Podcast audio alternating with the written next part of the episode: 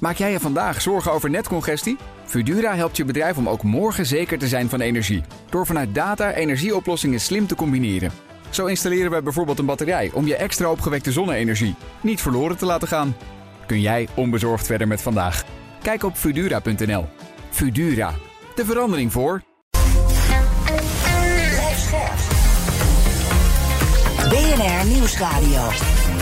The Big Five. Diana Matroos. Wapenleveranties, tanks, sanctiepakketten, vluchtelingen, stijgende energieprijzen. Nu we de oorlog financieel allemaal voelen, is de vraag: hoe lang gaat het Westen Oekraïne nog blijven steunen? En wat is de impact als het draagvlak inderdaad afbrokkelt? Daar ga ik het deze week over hebben met vijf kopstukken in BNR's Big Five van het draagvlak van de oorlog. Vandaag doe ik dat met iemand die vaker ook op deze zender te horen is: Alex Krijger, geopolitiek analist, historicus en vicevoorzitter van de Atlantische Commissie in Den Haag, waarbij ze het debat rond veiligheidsvraagstukken uh, stimuleren.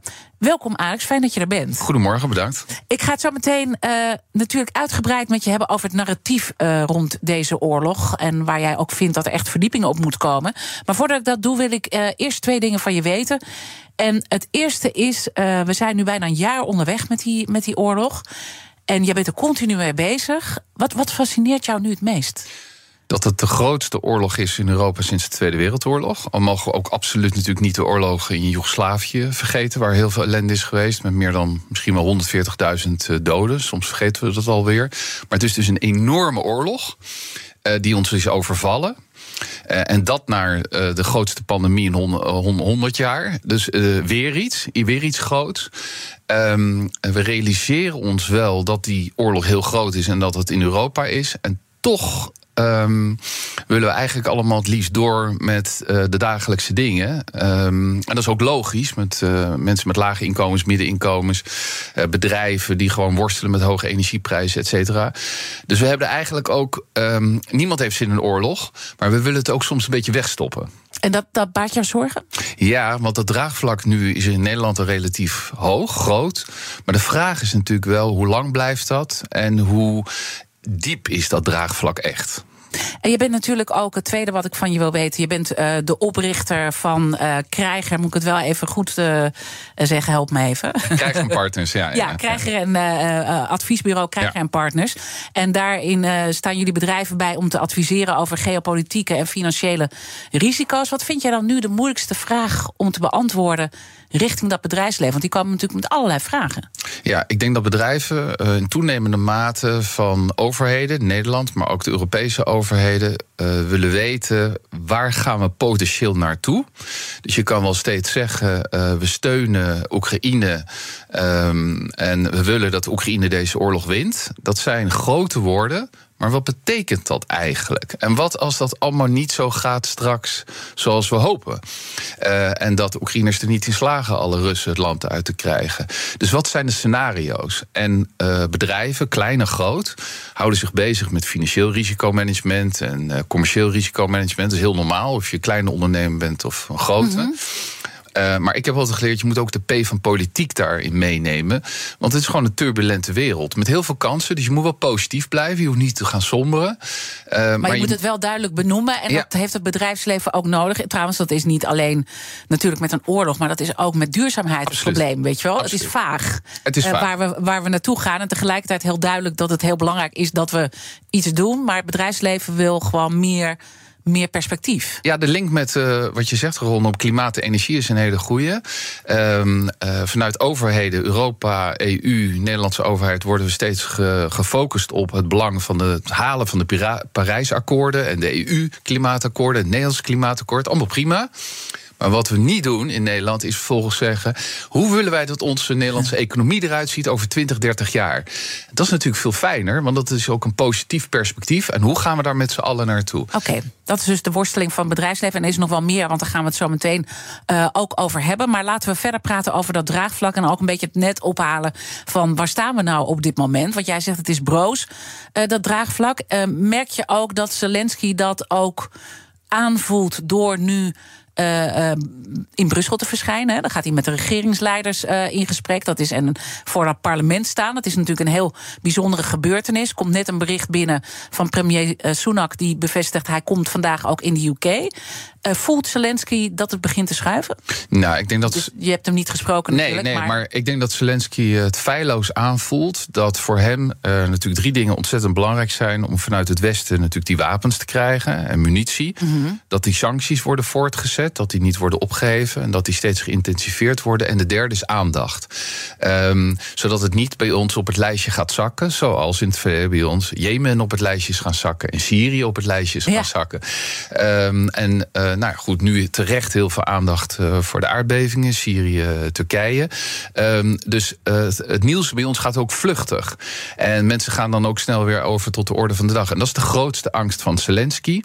Dat op een bepaald moment wij denken van ja, het is nu eigenlijk wel een beetje mooi geweest. Je moet nu gaan praten. Maar goed, ondertussen is wel 15 tot 20 procent van zijn land bezet. Dus het is voor hem ontzettend belangrijk om die aandacht vast te houden in Europa. Want hij heeft natuurlijk ook wel door dat in Amerika het een beetje begint te schuiven. Mensen zijn daar wel een beetje klaar met het uitschrijven van zoals. Met name de Republikeinen. Ja, vooral Republikeinen, maar toch ook wel Democraten. Uh, de economie, uh, kan je enerzijds zeggen, gaat daar de goede kant op. Aan de andere kant raakt het ook uh, nog steeds mm -hmm. veel mensen met lage middeninkomens.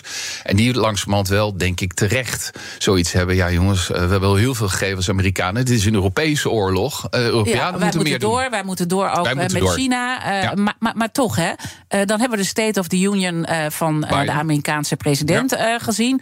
Nou, los van al het gejoel, hij werd uitgejoeld op dat moment. maar hij zei daar ook van, we blijven jullie steunen. We hebben, we hebben gedaan wat we moeten doen. We hebben daar de, de leiding in genomen. En we blijven Oekraïne steunen. Hij sprak ook een ambassadeur daar toe die daar zat. Dus dus dat, dat geeft toch wel iets aan, als ja, je dat, dat geeft op dat toneel. Ja, ja, dat geeft wel iets aan. Uh, het is wel zo dat een speech was van volgens mij zo'n 75 minuten... Uh, waarbij dit deel heel laat kwam. en het ging vooral over... Wat? Ja. ja, dat zegt wel wat. Het gaat echt over binnenland. En als Biden uh, opnieuw zou gaan voor november 24, herverkiezing... ja, dan is de binnenlandse agenda toch het meest belangrijk. Um, en het buitenland, um, voor de Amerikanen, Democraten, Republikeinen... daar staat echt China nummer één en niet Oekraïne in Rusland. Dus je zal een toenemende mate zien bij Democraten en Republikeinen. Dus niet mhm. alleen de Republikeinse hardliners. Dat ze toch langzamerhand, denk ik, eh, richting Europa gaan zeggen van uh, het vervolg van deze grote oorlog, de wederopbouw van Oekraïne straks, dat is echt vooral een Europese verantwoordelijkheid. Tegelijkertijd zijn er natuurlijk ook heel veel bedrijfsbelangen en, en, en hè, de, hele, de hele machtsspel op het wereldtoneel met China, waar wij natuurlijk als Europa ook een beetje worden gebruikt. Dus ik bedoel, Amerika helpt ons ook, maar misschien zit daar ook een ander belang achter. Want ze doen dingen natuurlijk ook van, vanuit belangen. En dan zouden ze misschien ook wel doorgaan. Ja, en dat, dat is natuurlijk ook zo. Uh, niets is zonder eigen belang, zeg maar. Uh, nee, nee en, kijk maar naar de gesprekken met ASML. Absoluut, absoluut. Aan de andere kant zit daar wel iets in van... Uh, dat voor de Amerikanen, uh, democraten, republikeinen... De, de bedreiging van China, dat zien zij echt als iets heel erg existentieels. Wat minder dan wij in Europa zien. Zij vonden ook dat wij veel te naïef waren steeds over Rusland. Mm denk aan uh, dat wij gewoon doorgingen met Nord Stream 2. Dus de Amerikanen zitten altijd wat harder in de wedstrijd. Um, waarbij China echt voor hun een existentiële... Maar wat ik bedoel ja. te zeggen, uh, is dat wij ook een belang voor hun kunnen zijn in het hele China-verhaal. Dat ze ons natuurlijk ook moeten blijven steunen dan in deze oorlog, of niet? Ja, zeker. Dus in die, ik denk in die zin dat uh, zoals het Westen nu behoorlijk goed optreedt onder Amerikaanse leiding, laten we eerlijk zijn. Wat zitten we 78 jaar na de oorlog en Amerikanen leiden nog steeds eigenlijk de coalitie tegen een oorlog in Europa. Eigenlijk een beetje idioot. Uh, Europa zou dat moeten doen. Uh, kan je denk ik ook kijken waar je met uh, Amerika ook op andere terreinen meer zou kunnen samenwerken. Um, je moet ontzettend uitkijken dat er niet straks grote machtsblokken gaan komen. Een soort correctie op de globalisering. Dat de Amerikanen en de Chinezen helemaal systemen uit elkaar gaan laten groeien. De decouplering heet dat. Ja, en dan zitten wij daartussen. En ASML is daar natuurlijk een goed voorbeeld van. The Big Five. Diana Matroos. Mijn gast vandaag is geopolitiek analist Alex Krijger. Uh, laten we dieper inzoomen op dat uh, draagvlak uh, wereldwijd... en dan vervolgens ook benoemen wat dat voor ons betekent. Als je nu even de naar de hele wereld kijkt... hoe is dan een beetje de verdeling als het gaat om de steunoorlog van, in Oekraïne tegen Rusland? Ja, er zijn wat recente onderzoeken, onder meer van uh, zeg maar, uh, de denktank van The Economist, van het uh, Britse bekende blad.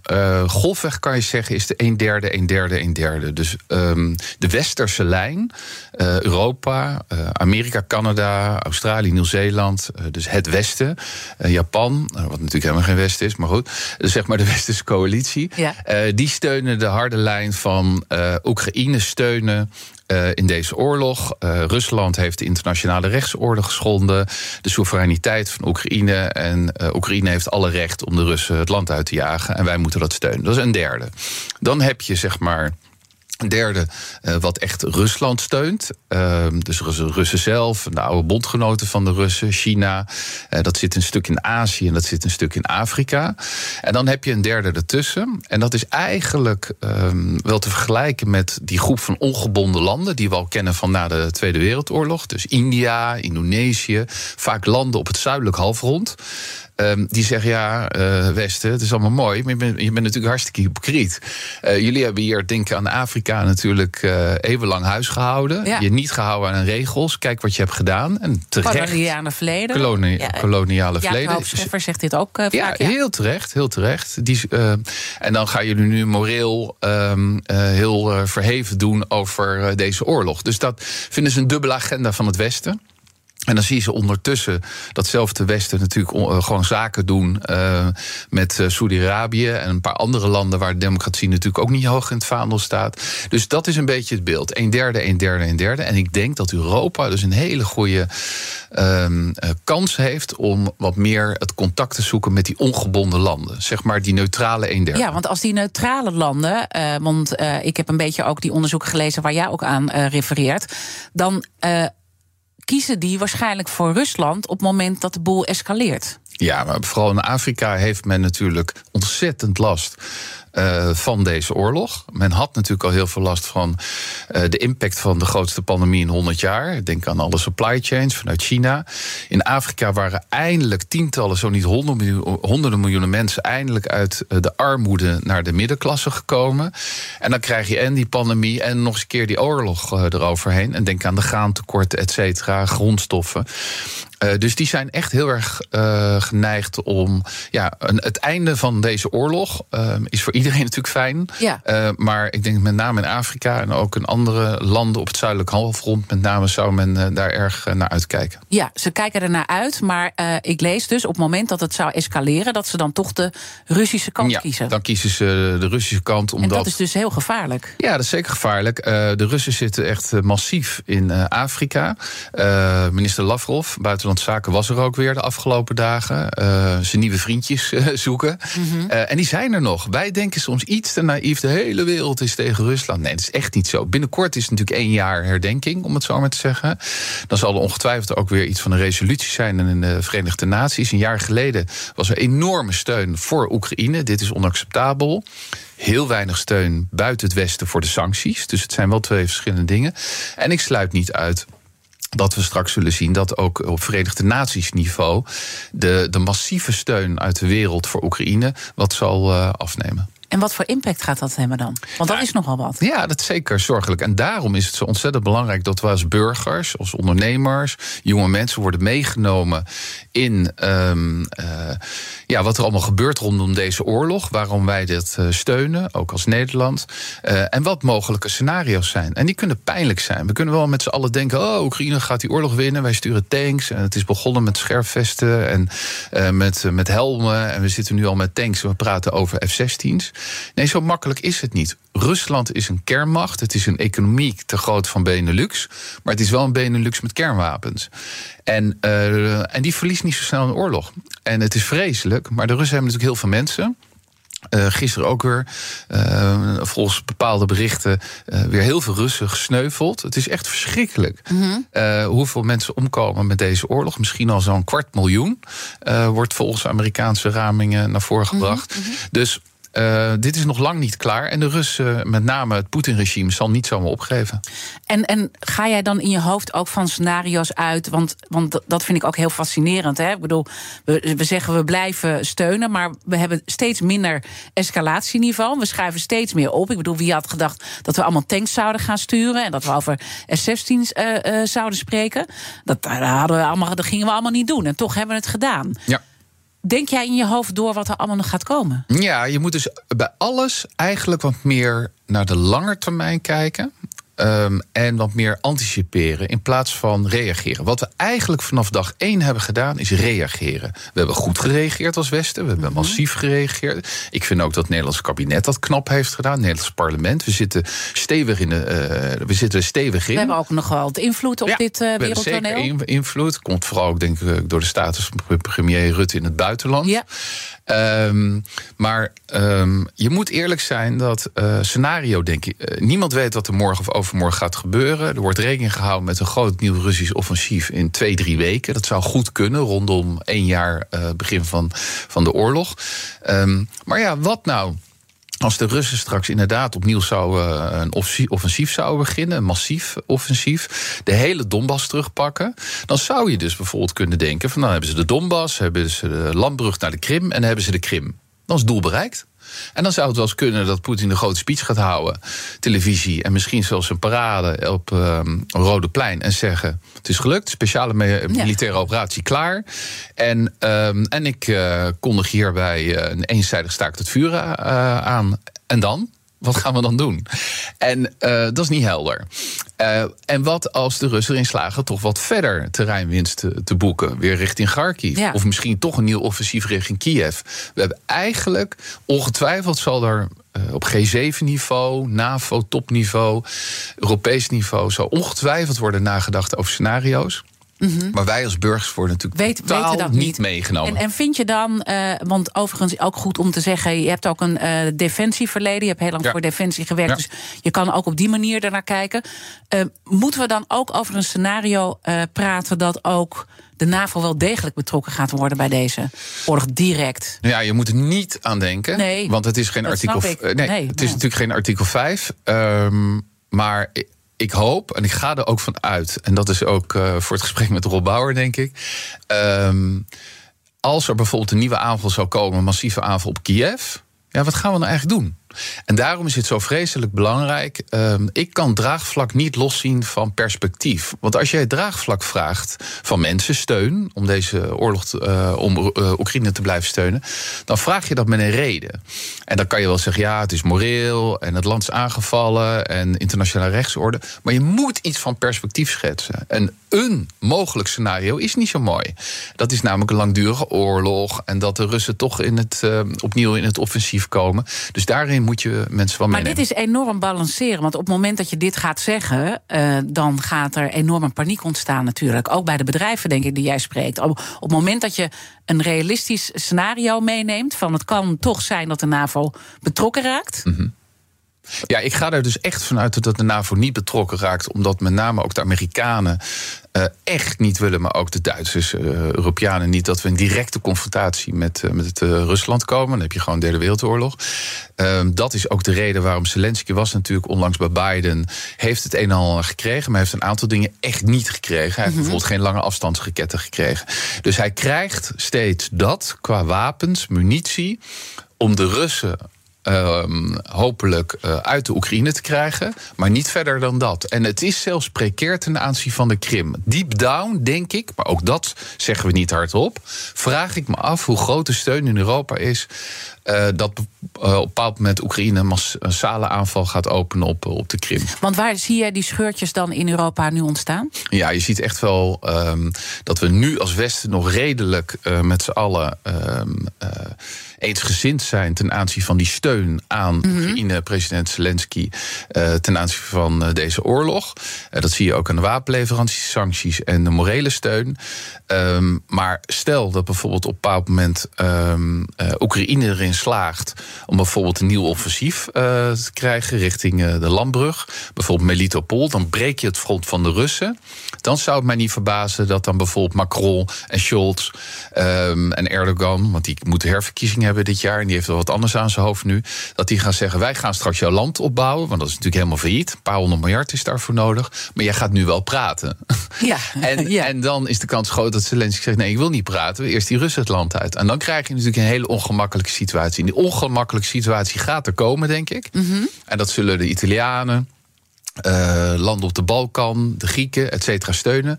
En dan krijg je natuurlijk, en ik denk ook uiteindelijk Frankrijk-Duitsland. Ja, want Frankrijk is heel interessant. Daar sprak ik met Stefan de Vries eerder over, uh, onze Europa-correspondent. Maar die heeft natuurlijk heel lang uh, in Parijs gezeten als correspondent. Je moet je niet vergissen hoe moeilijk de Fransen het vinden om de Russen als vijand te zien. Ja, en er zijn ook allemaal bedrijfsbelangen. Ja, ja, ja, want enerzijds, ik moet zeggen, ik heb heel veel respect voor Macron. Ja. Ik denk dat hij echt wel de de facto leider van Europa is na het vertrek van Merkel. Uh, Olaf Scholz, met alle respect, zit nog een beetje te kijken: gewoon, wat, wat heb ik, waar ben ik terechtgekomen? Uh, en dat is natuurlijk wel kwalijk als uh, grootste economie van, van Europa. Dus Macron heeft denk ik echt wel de leiding. Houdt alle lijntjes open. En ook hij naar... trekt ook samen op met Rutte, hè? Ja. Mon ami Mark. Ja, ja, maar het gaat met name om de grote spelers. Natuurlijk Biden en hij houdt het contact met, met Mhm. Erdogan en met Poetin. Maar er kan inderdaad. ja, ik denk dat de Fransen. Kijk ook naar de protesten in Frankrijk zelf nu met de pensioenen. Mm, De, de druk kan op een bepaald moment heel groot worden in Mhm. Duitsland en Frankrijk om te gaan praten. Ik vrees dat er een moment gaat komen dat Zelensky naar de onderhandelingstafel wordt geduwd. Dat heeft hij feilloos door. Daarom komt hij ook, denk ik, weer naar Brussel. Of komt hij naar Brussel, face-to-face. Ja. Um, tot die tijd moet er wel echt uh, flink steun worden gegeven. Want hij ziet natuurlijk ook dat het kan gaan schuiven.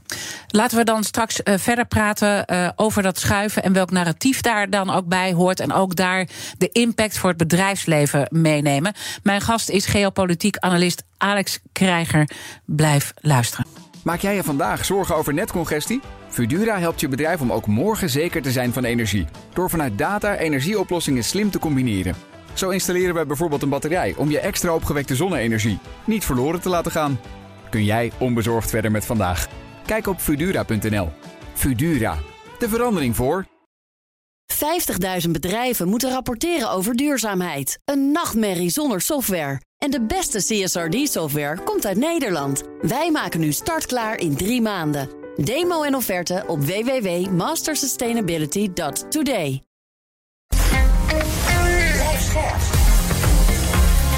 BNR Nieuwsradio.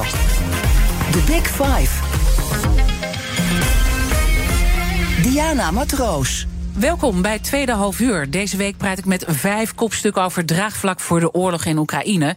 Later deze week praat ik nog met Rob Bauer, admiraal en voorzitter van het Militair Comité van de NAVO. En dan hebben we ook uh, nou ja, de bijeenkomst met Zelensky gehad. Dus ik ben heel erg benieuwd uh, ook hoe hij daar naar kijkt. En hij ziet het natuurlijk ook als echt een nieuw defensietijdperk dat is aangebroken. Heel interessant om daar een uur met hem over te mogen praten.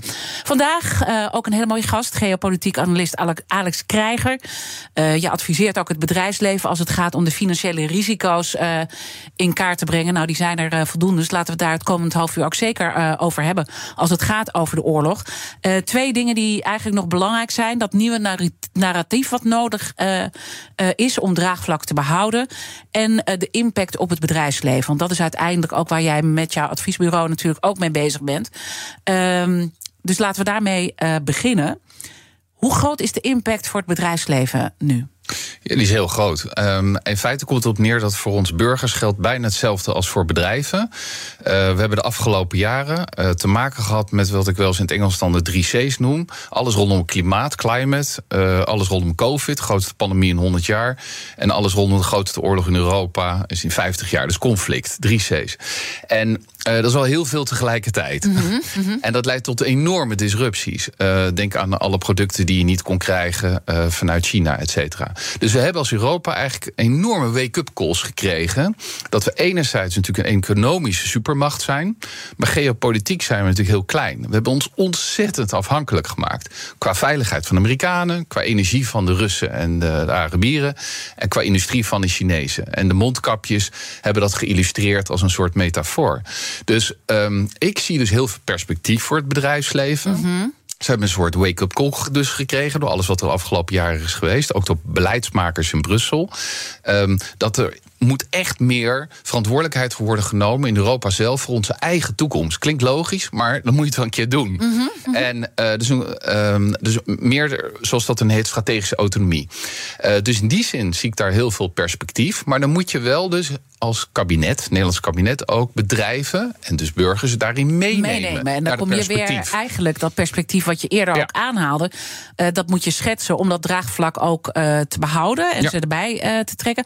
En nou zeg jij, ze worden heel hard geraakt, hè? Maar Um, ik sprak daar ook met Stefan de Vries eerder over. De een zijn dood is een ander zijn brood. Ik bedoel, uh, er zijn ook bedrijven die ook, ook van de pandemie heel erg hebben geprofiteerd. Hè? Ja. Dus er zijn ook dingen echt uh, uh, in beweging gekomen. Het hangt toch heel van af welke sector je uiteindelijk pakt. Hoe hard ze nou daadwerkelijk geraakt zijn. Absoluut. Um, en het is natuurlijk ook zo dat via allerlei constructies er echt nog wel Nederlandse bedrijven um, in contact zijn met Russische bedrijven. denk vanuit financieel, uh, financiële centra.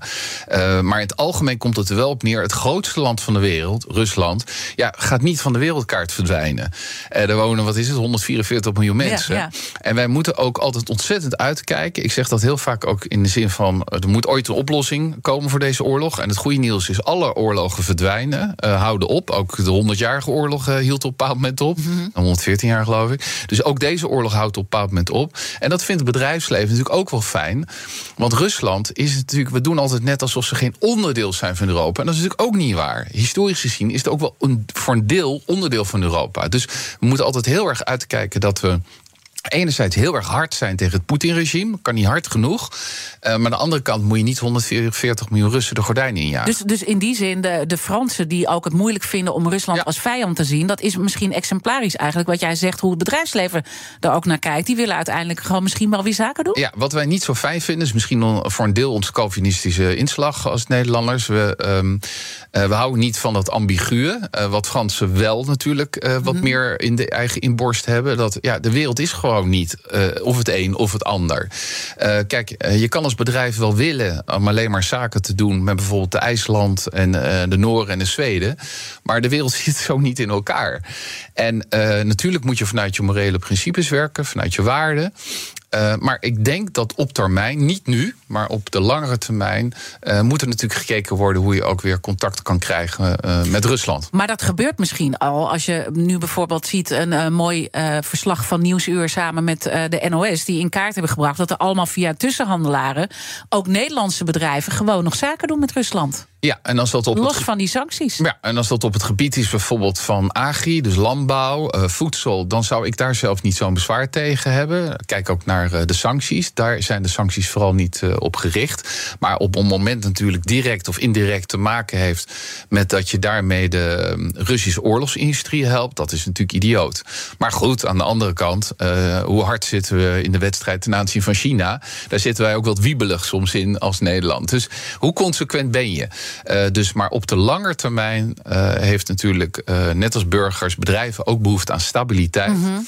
Maar het gaat echt nog wel een tijdje duren voordat de relatie met Rusland genormaliseerd kan worden. Maar mm. op termijn zou dat ook echt in belang, belang zijn van, van ondernemers. Dus ook dat perspectief moet je eigenlijk meenemen in het verhaal? Ja, maar je moet dus eerlijk zijn dat het tijd gaat duren.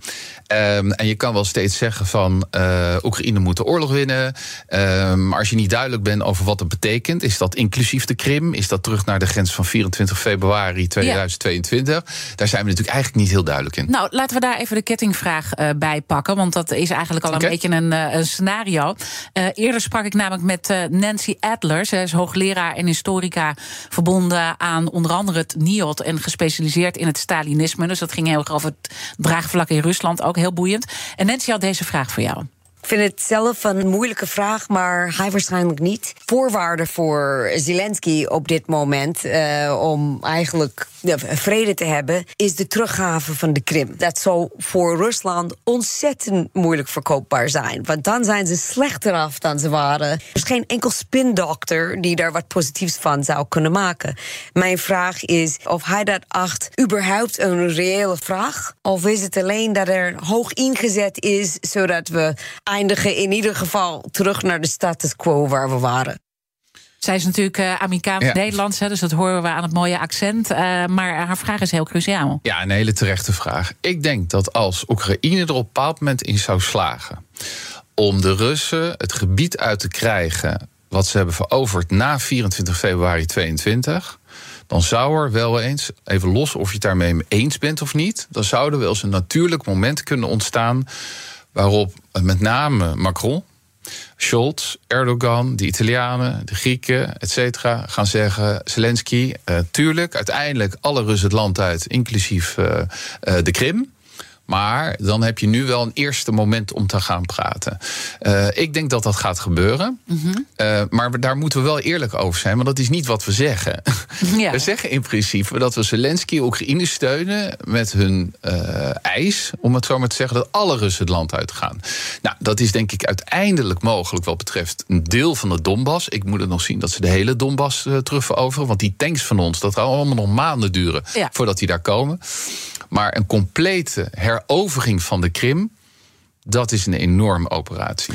Maar als je dat dus uh, want je zegt, we, we, vertellen dat niet eerlijk. En jij denkt echt dat het die uh, kant op gaat. Misschien nog belangrijk om daar ook bij te melden. Hoe, hoe, want je praat met heel veel mensen hè, hierover op bepaalde posities. Maar ik, ik snap dat je niet namen en rugnummers kunt geven. Maar kan je een beetje aangeven met wie je daar allemaal over praat. Waardoor je tot dit uh, punt komt. Ja, officieel is het natuurlijk zo. De formele lijn is dat de G7, de EU, de NAVO-landen, dus ook Nederland, allemaal zeggen: we steunen Zelensky, Oekraïne, dat de territoriale integriteit moet worden hersteld. Met andere woorden, alle Russen het land uit. Dat is de officiële lijn. Um, maar als je goed luistert naar de speeches van Macron, die enerzijds, en ook Olaf Scholz en anderen, die enerzijds dus wel stevig die steun geven, dan um, ja, dan hoor ik iets te veel inderdaad uh, achter de schermen. Uh, dat als Oekraïne nog één groot uh, uh, succes weet te boeken. Mm -hmm. Want dat hebben ze echt nodig. Anders staan ze veel te zwak aan de onderhandelingstafel. Ze moeten echt iets creëren. En, dat is, en denk daar ik, worden ze nu mee geholpen. Met al ja, dat maar ik moet het allemaal nog zien dat het lukt. Maar hopen, hopen dat het lukt natuurlijk. Dat ze bijvoorbeeld het hele Russische front breken in tweeën. Dat je dus alleen de Donbass hebt en dan de Krim. Dus dat ze iets in die landbrug weten te doen. Ja, dan denk ik, als je goed tussen de regels doorleest... Um, hoe de Fransen en de Duitsers daarin zitten... en die hebben uiteindelijk natuurlijk gewoon toch de macht in de EU... Um, dan zal er dat moment komen waarop ze zeggen: Zelensky, ja. wij gaan jouw land helpen opbouwen, maar je moet nu wel gaan praten. Betekent niet dat ze dan Um, dat Zelensky alles moet opgeven. Maar het is historisch het meest vergelijken met het einde van de Korea-oorlog. Uh, op een bepaald moment hield dat gewoon op. Is er vrede? Nee, het is geen vrede. Het is een soort uh, nee, staakt het vuren. En, en, en, en media doen daar, doen daar natuurlijk ook altijd aan mee. Hè? Want op een gegeven moment, ik bedoel, uh, alles gaat vol uit. En op een gegeven moment uh, wordt het een kort nieuwsoverzichtje van. Ik bedoel, zo vreselijk zit de wereld dus in elkaar. Ja, laten we nou eerst maar eens als Westen, zou ik zeggen, zorgen dat Oekraïne het hele gebied na 24 februari weet terug te krijgen. Dat zal al geweldig zijn. En uiteindelijk natuurlijk is het doel de Russen hmm. het land uit. En je zegt, je praat daar dus over met mensen. En, en kan je toch iets meer aangeven? Waar, waar zitten die mensen? Zitten die hoog in de ik boom? Zie, ja, ik zie uh, dus uh, in top van bedrijfsleven, top van de uh, Europese westerse politiek, zie ik eigenlijk toch ehm, ook binnen het westers kamp, hè, wat die een derde is, die steun aan ja, Oekraïne. Wat je net schetste, ja. ja, zie ik grofweg dat je de echte hardliners hebt, die Zelensky Oekraïne volledig steunen en ook zullen blijven steunen. De Amerikanen, de Canadezen, de Britten, Nederland, de Balten, de Polen. En dan zie je toch een aantal landen die zeggen, nou, um, als we op een bepaald moment een moment kunnen creëren dat er gepraat gaat worden, zou wel fijn zijn. En dat zijn toch ook behoorlijk wat Europese landen. Cruciaal is Frankrijk, Duitsland. Maak jij je vandaag zorgen over netcongestie? Fudura helpt je bedrijf om ook morgen zeker te zijn van energie. Door vanuit data energieoplossingen slim te combineren. Zo installeren we bijvoorbeeld een batterij om je extra opgewekte zonne-energie niet verloren te laten gaan. Kun jij onbezorgd verder met vandaag? Kijk op Fudura.nl. Fudura, de verandering voor. 50.000 bedrijven moeten rapporteren over duurzaamheid. Een nachtmerrie zonder software. En de beste CSRD-software komt uit Nederland. Wij maken nu startklaar in drie maanden. Demo en offerte op www.mastersustainability.today. BNR Nieuwsradio. The Big Five. Diana Matroos. Je luistert naar BNR's Big Five van het draagvlak voor de oorlog in Oekraïne. Je kunt natuurlijk alles terugluisteren uh, in onze podcast. Dan weet je alle perspectieven in deze week. Vandaag krijg je het perspectief van geopolitiek analist Alex Krijger. Uh, het is duidelijk, jij vindt dat er een uh, perspectief moet komen. Dat er eerlijke scenario's moeten worden geschetst. Ook al kunnen die best ver gaan. En dat er een nieuw narratief moet komen.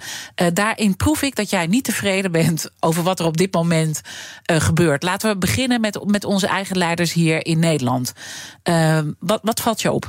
Wat me opvalt is, uh, er is dus heel veel steun vanuit de Nederlandse samenleving om Oekraïne te steunen met deze oorlog. Top we zitten, vijf, ja, we zitten volgens ik. mij zelfs in de top 5. Het is echt indrukwekkend. Dat is trouwens allemaal historisch verklaarbaar. Uh, denk aan onze eigen geschiedenis. Aangevallen, Tweede Wereldoorlog door een groot buurland. Uh, dat speelt mee. MA17. MA17, heel belangrijk. 56, de Hongaarse opstand. Er was geen land wat zoveel steun gaf aan Hongaarse vluchtelingen als wij. Wij houden daar echt niet van als uh, een grote boeman uh, het kleine broertje zeg maar helemaal in elkaar slaat. Mm -hmm. En uh, dus we kunnen niet tegen onrecht. En de internationale rechtsorde is voor ons ontzettend belangrijk. Dus dat is heel goed. Ik vind dat het Nederlandse kabinet, premier Rutte, de ministers Hoekstra en Ollongren het eigenlijk in de communicatie op hun manier goed doen. Minister Ollongren kan bijvoorbeeld heel goed uitleggen ten aanzien van de hele defensiekant. Maar wat ze niet doen, is zoals we iedere dinsdagavond bij spreken met de coronapandemie uh, een persconferentie hadden. Waarbij echt de dialoog dan plaats moet vinden, de open, eerlijke communicatie. Dat doen ze niet. Uh, premier Rutte doet het wel vrijdag in zijn persconferentie. Ik zie Hoekstra en Longeren in de media af en toe. Maar met name niet richting jonge mensen in ons land. Die worden niet of nauwelijks meegenomen met deze oorlog. Um, dus ik zou er zeer voor zijn dat in de aanloop, ook ja. straks na één jaar... er in ieder geval een echte persconferentie komt op okay. de avond... om ons bij te praten over de oorlog. Waarom mm -hmm. we die steunen. Wat we doen. Dus wat is die steun concreet?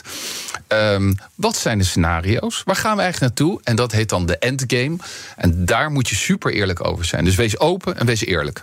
En dat dat dus niet uh, gebeurt, dat, dat stoort je. En je zegt met name dan jongeren. Want, want waarom is het belangrijk om die jongeren dan daarin mee te nemen? Want die spreek je ook, hè? je geeft ook les aan ze. Ja, ik merk gewoon in mijn contact met studenten, uh, maar ook jonge ondernemers, uh, dat ze echt natuurlijk wel willen begrijpen van waar gaan we eigenlijk naartoe?